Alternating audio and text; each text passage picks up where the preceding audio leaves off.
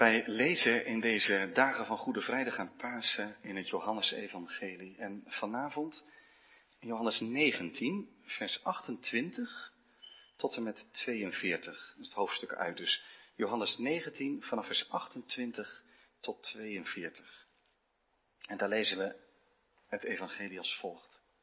Hierna zei Jezus, omdat hij wist dat nu alles volbracht was, opdat het schriftwoord vervuld zou worden, ik heb dorst. Er stond dan een kruik vol zure wijn en ze vulden een spons met zure wijn, omwikkelden die met hyssop en brachten die aan zijn mond. Toen Jezus de zure wijn genomen had, zei hij, het is volbracht. En hij boog het hoofd en gaf de geest. Opdat de lichamen niet aan het kruis zouden blijven op de Sabbat, omdat het de voorbereiding was, want de dag van die Sabbat was een grote dag, vroegen de Joden dan aan Pilatus om hun been, of hun benen gebroken en zij weggenomen mochten worden. De soldaten dan kwamen en braken wel de benen van de eerste en van de ander die met hem gekruisigd was. Maar toen zij bij Jezus kwamen en zagen dat hij al gestorven was, braken zij zijn benen niet.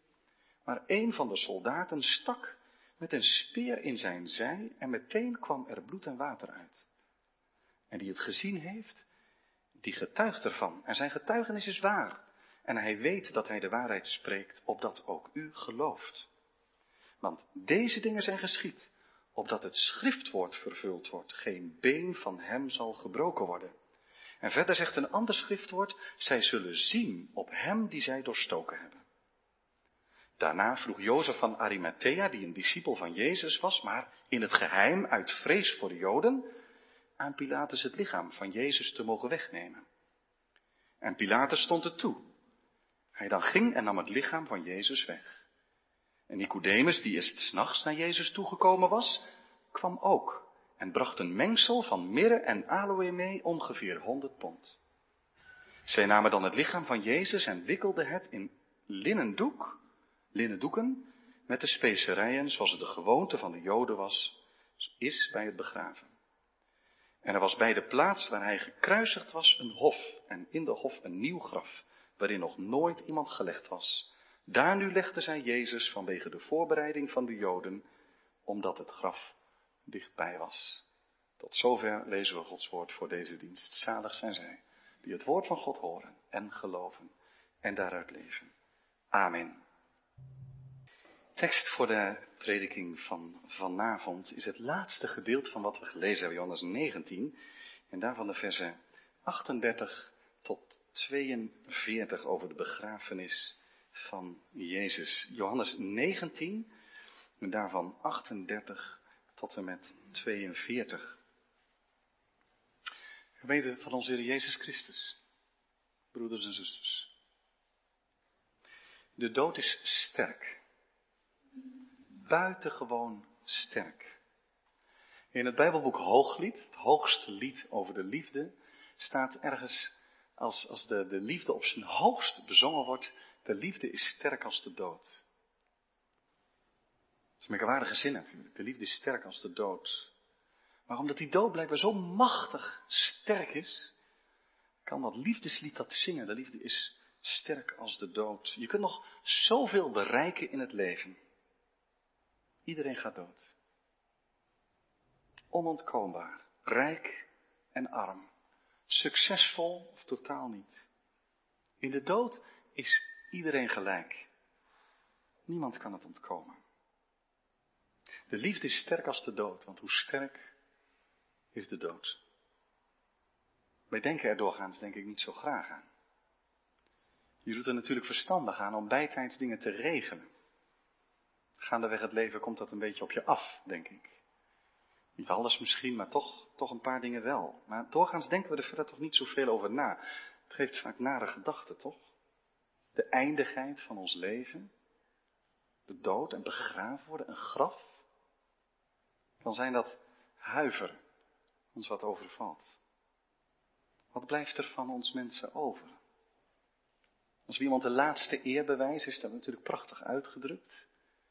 En tegelijk is het Naast dat het de laatste eer is ook erg oneervol. Je hebt het van de dood verloren.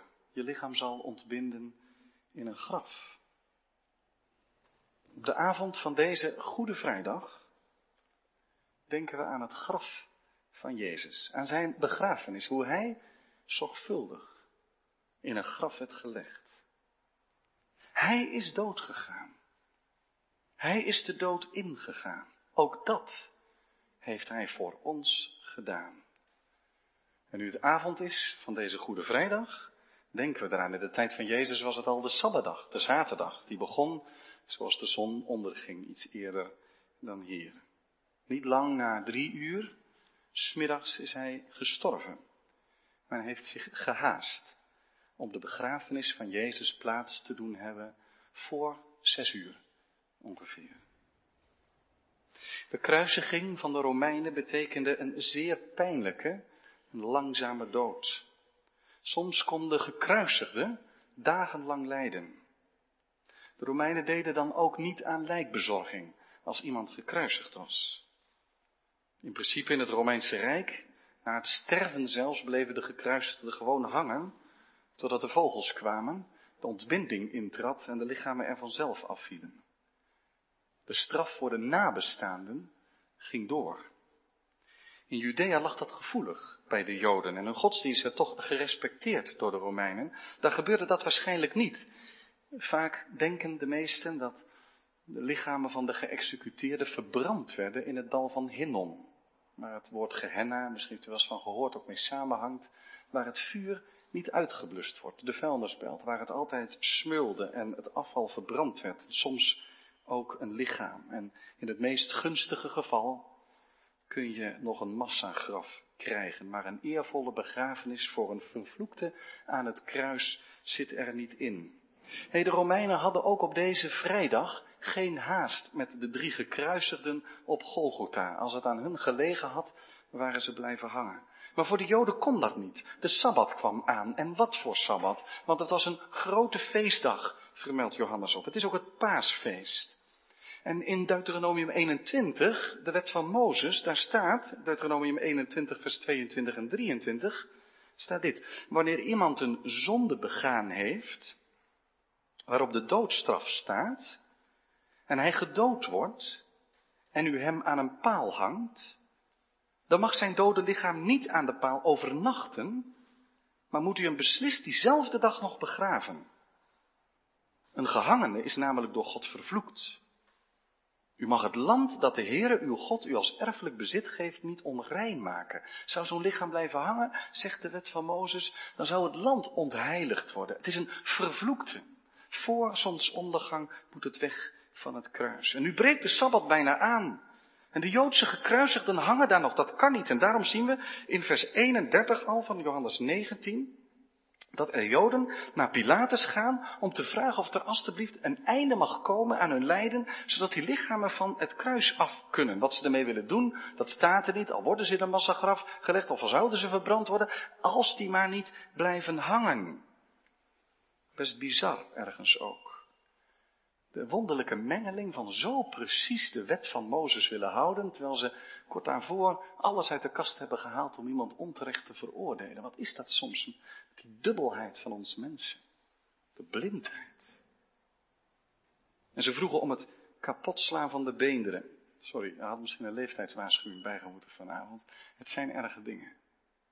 Soms gebeurde dat, dat als een einde aan de kruisiging kwam, dat beenderen, de twee beenderen, onderbenen, kapotgeslagen werden, zodat ze zich niet meer konden ophijsen en door verstikking de dood intrad. Dat is gebeurd met die twee rovers, niet met Jezus, omdat hij reeds gestorven was. En dan zien we opeens iemand naar voren treden. Jozef, een zekere Jozef die bekend stond als Jozef van Arimathea. Een machtige man, zo wel eens duidelijk. Als je de evangeliën naast elkaar legt en ook hier, het is een machtig iemand die een hoge functie had. Hij was ook onderdeel van het Sanhedrin. Dat levert direct de vraag op van, maar het Sanhedrin heeft Jezus toch veroordeeld? Nou, Lucas vertelt ons dat, dat Jozef van Arimathea daar niet aan meedeed. Hij was er waarschijnlijk niet bij. Hij had een hoge positie, daarom kon hij ook vrij gemakkelijk naar Pilatus gaan. Zou die bang geweest zijn? Hij heeft zijn stem niet verheven toen Jezus veroordeeld was, voor zover wij kunnen nagaan. Hij was er even niet. Was hij bang voor zijn positie? Hij was, zegt deze tekst, een discipel van Jezus, een volgeling, geraakt door de prediking van het koninkrijk. In andere evangelieën lezen we dat hij ook het koninkrijk van God verwachtte, maar hij durfde er niet vooruit te komen. De evangelist Johannes heeft daar vaker aandacht voor. Johannes 12, vers 42. Daar lezen we, en toch geloofden velen van de leiders in, in hem, in Jezus. Maar vanwege de fariseeën beleden zij het niet, opdat zij niet uit de synagoge geworpen zouden worden. Want zij hadden de eer van mensen meer lief dan de eer van God. Er waren er, die wel geloofden, wel een discipel waren, maar nog in de schemering. Ze kwamen er niet vooruit. En, en de evangelist zegt dan, dat kan eigenlijk niet. Dan heb je toch de eer van mensen liever dan de eer van God. En dat God eigenlijk ook voor Jozef van Arimathea. Als lid van het Sanhedrin was hij toch mede verantwoordelijk. Misschien was hij in die bewuste vergadering wel weggebleven. Hij heeft er niet aan meegedaan. Maar hij is ook niet naar voren getreden als een volgeling van Jezus. Maar nu wel. En dat is het opvallende hier. Nu treedt hij naar voren. Nu Jezus gestorven is. Opmerkelijk is dat toch. En dan doet hij iets wat heel moedig is. Het kan hem alles kosten. Hij gaat naar Pilatus en vraagt om het lichaam van de koning der Joden die door de Romeinen te kijk is gezet. Die door de Romeinen verworpen is, ook al als gevaarlijk. Veroordeeld door de Romeinen. En Jozef van Arimathea ontfermt zich over zijn lichaam. Risicovol. Het is ook risicovol naar de Joden toe. Zo zorgen voor Jezus betekent partij kiezen. Je identificeren met Jezus. Maar het maakt hem nu allemaal niet meer uit. Nu Jezus gestorven is. Menselijke wijs gesproken kan dat soms zo gaan. Als je het voor jezelf zo in het midden houdt. Maar wat heb ik met Jezus? Heb ik een band met hem? Hoor ik bij hem? Maar als Jezus dan zo bespot wordt, kan er ook iets in je hart gebeuren. Waardoor je zegt, maar ik hoor juist bij hem. Ik hoor bij hem. Waar heeft hij dit aan verdiend? Kan zo gaan in ons leven. Maar er is een diepere reden in het Johannes-evangelie. Ik denk dat de evangelist Johannes dit beschrijft vanuit de gedachte. De dood van Jezus Christus verandert betterdaad iets. Er is een band gebroken. Had de Heer Jezus zelf niet gezegd toen hij zo opzag tegen zijn lijden, als ik de wereld veroordelen zal aan het kruis, ik zal verhoogd worden aan het kruis, dan zal ik hen allen tot mij trekken. En daar, zit, daar zit iets in van, er gaat een kracht uit van het kruis van Golgotha. Als de zoon des mensen zich geheel voegt in, in, in de wil van de Vader. En hij is gehoorzaam tot het einde aan toe. Dan, dan is er kracht in dat kruis. Dan zal er iets voortvloeien uit dat sterven van de middelaar, van Jezus Christus. Het breekt het oude leven in hun harten af. En het geeft nieuw leven. De evangelist Johannes is de enige die ook uh, Nicodemus nog ten tonele voert. Nicodemus, waarvan hij nog wel even zegt, die was ook s'nachts naar Jezus toegekomen. Die had, zo zegt Johannes 7, nog wel eens voor Jezus opgekomen en een paar juridische vragen gesteld van kan dit allemaal maar zo en, is dit wel eerlijk? Maar het was toch tot nu toe een nachtdiscipel gebleven. In de schaduwen. Maar nu, ach wat maakt het uit? Wat het ook kost, en het mag wat kosten, want hij komt met honderd pond specerijen aan. Als je wel eens een begrafenis ziet waar de overledene haast bedolven wordt onder bloemen, nou, zo'n voorraad specerijen heeft Nicodemus ongeveer bij zich. Om al zijn eer en liefde aan de dode Jezus te tonen. Maar ze komen ervoor uit. Het is dat belangrijk.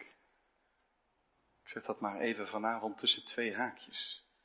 Toch belangrijk ook voor ons. Je kunt niet een discipel van Jezus zijn zonder schepen achter je te verbranden. Of zonder de brug werkelijk over te steken naar de andere kant. Uitkomen, beleiden. Niet de eer van mensen liever hebben dan de eer van God. En dat kan, zegt Johannes ons hier, niet omdat jij daartoe beslist, maar door de kracht van het kruis. Doordat Jezus de machten kapot breekt aan het kruis. Hij gaat zelfs de macht van de dood breken. Ook de dodigheid in onze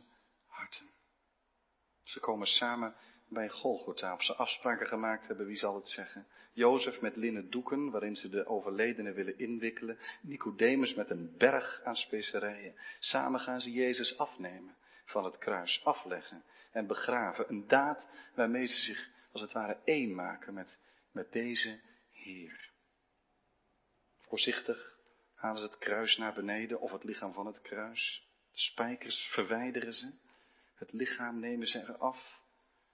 Ze komen onder zijn bloed te zitten. Daarmee zeg ik ook niets te veel, denk ik, zonder daar allerlei betekenis aan te willen verbinden. Daar gaat het me niet om. Maar wat een daad is dat geweest om zo te zorgen voor deze, die in de ogen van ieder vervloekte is. Ze wikkelen het lichaam in die linnen doeken, leggen specerijen ertussen, of dat wat voor vorm ook, eindeloos veel discussie daarover, niet het belangrijkste. Maar ze wikkelen het in die doeken om de ontbindingsgeur tegen te gaan. Hij spreekt liefde uit, meer dan geloof, laten we wel zijn. Jezus krijgt niet een begrafenis met toespraken. Ze leggen hem neer in volle liefde, maar ze hebben niet veel van hun geloof te melden. Hun liefde blijft, want de liefde is sterk als de dood. Maar er is nog geen paasgeloof. Al gloort reeds, maar daar kom ik zo op. Al in de vette, de paaszon. Ze leggen Jezus in dat graf, omdat het dichtbij is, zegt Johannes. Veel meer zegt hij er niet over. Matthäus zegt, het was zijn eigen graf.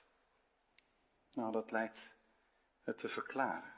Een in de rotsen uitgehouwen graf, Jozef, die vast nadenkt over zijn toekomst, een bemiddeld mens die zich een graf kan veroorloven, in de nabijheid van Jeruzalem voor de toekomst. Hij verwachtte Gods koninkrijk en daar leggen ze Jezus in. Niemand had erin gelegen, nieuw graf. Drie woorden kenmerken de begrafenis van Jezus. Het is vernedering. Onze geloofsbelijdenis zegt ook, hij is gestorven en begraven een trap van de vernedering. Hij draagt ook in zijn begrafenis de straf van God tegen de zonde, de schande, de vernedering. Hij is verleden tot in het graf, de vorst van het leven, die Lazarus uit zijn graf tevoorschijn riep, wordt zelf dood in het graf gelegd. Vernedering. Tweede, bevestiging dat de dood echt is. Het is een prediking dat Jezus begraven wordt, dat Hij, die vorst van het leven, werkelijk de dood is ingegaan. Daar kun je alleen maar stil van worden. Je kunt van alles proberen uit te leggen met, is hij naar zijn menselijke natuur gestorven, want hij leeft toch, hij kan niet sterven, het zal wel waar zijn. Jezus is gestorven, onze middelaar. Hij legt zijn leven af. Hij gaat de dood in. En als hij aan deze evangelist Johannes in openbaring 1 verschijnt en Johannes valt vol ontzag als dood aan de voeten van de levende Heer Jezus, dan zegt Jezus daar als hij Johannes troost en bemoedigt en zegt vrees niet, dan zegt hij zie ik ben dood geweest en zie ik leef tot in alle eeuwigheid en ik heb de sleutels van het graf en van de dood. Juist omdat ik de dood ben ingegaan, omdat ik in dat graf neergelegd ben zodat jullie zeker weten dat ik in de dood geweest ben. Daarom heb ik van God eeuwig leven ontvangen. En heb ik de sleutels in handen van het graf. Het graf wat dan dicht gaat. En wat, wat, wat, wat, dan, lijkt, dan alles over. Maar Jezus zegt, ik heb de sleutels in handen. Ik heb de sleutel, ik, ik heb de regie over de dood. De dood mag nog zo machtig lijken in deze tijd. Maar hij heeft de sleutels in handen. Hij heeft de toekomst in handen. En wie in hem gelooft, die kan wel begraven worden, maar die zal niet sterven in eeuwigheid, maar eeuwig leven hebben. Laat dat voor ons een geweldige troost zijn. Ik heb mij zo eens voorgesteld dat Jozef daar, ja, dan ga ik invullen, hè, maar het mag wel even. Soms vul ik het ook voor u en voor mezelf een beetje in dat Jozef daar heeft gezien hoe Jezus op zijn plekje kwam te liggen. Hij in Jozefs plaats, hij in onze plaats. Maar als Jezus opgewekt is, is het graf weer beschikbaar. Zal Jozef misschien wel gedacht hebben. Als ik nog eens begraven word, kom ik op zijn plekje te liggen. En dat lijkt me een rijke gedachte die wij in ons hart mogen sluiten vanavond. Dat vreselijke graf, het kille graf, waar de wind van de dood waait, daar is Jezus geweest. Daar heerst de geest van het leven. De dood is niet zo sterk. Of hij verbreekt de macht van de dood. Daar is Jezus geweest. En toen werd het stil. De rust van de Sabbat brak aan. Haastig hebben ze het alles afgerond. En de steen voor het graf gelegd. De vrouwen hebben nog aanleiding om te denken, wij komen terug.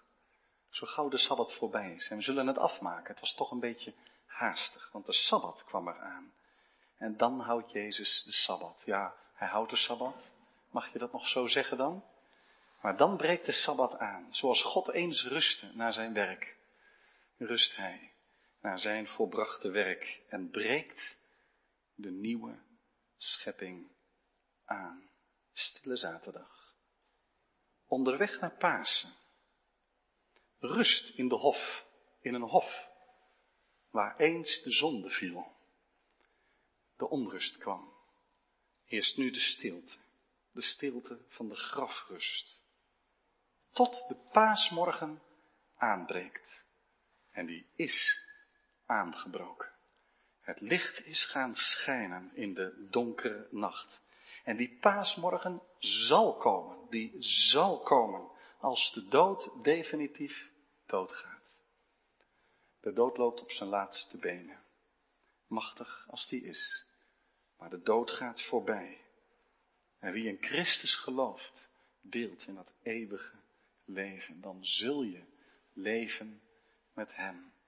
En zo kun je zeggen dat dat graf aan het einde van de Goede Vrijdag en van die zaterdag en van de zondagmorgen eigenlijk het punt is waar de vernedering van Jezus Christus en de verhoging elkaar raken. Dat graf en alle rust. Nee, het is niet een ontbinding aan het kruis met vogels enzovoorts. Eh, en geen verbranding in het hinnomdal geworden. En het is geen massagraf geworden. Hij krijgt een koninklijke begrafenis omdat het volbracht is. Is het graf ook voor Jezus een plek om even te rusten. Even te wachten tot de morgen aanbreekt. Laten we leven, leven uit die zelfovergave van onze Heer Jezus Christus. Zelfovergave tot in de dood. En voor de dood niet bang zijn, want Hij is erin geweest. Pasen werpt zijn schaduwen, zijn lichtstralen reeds vooruit over dat stille graf. Nog even, nog even. En het zal Pasen zijn. Amen.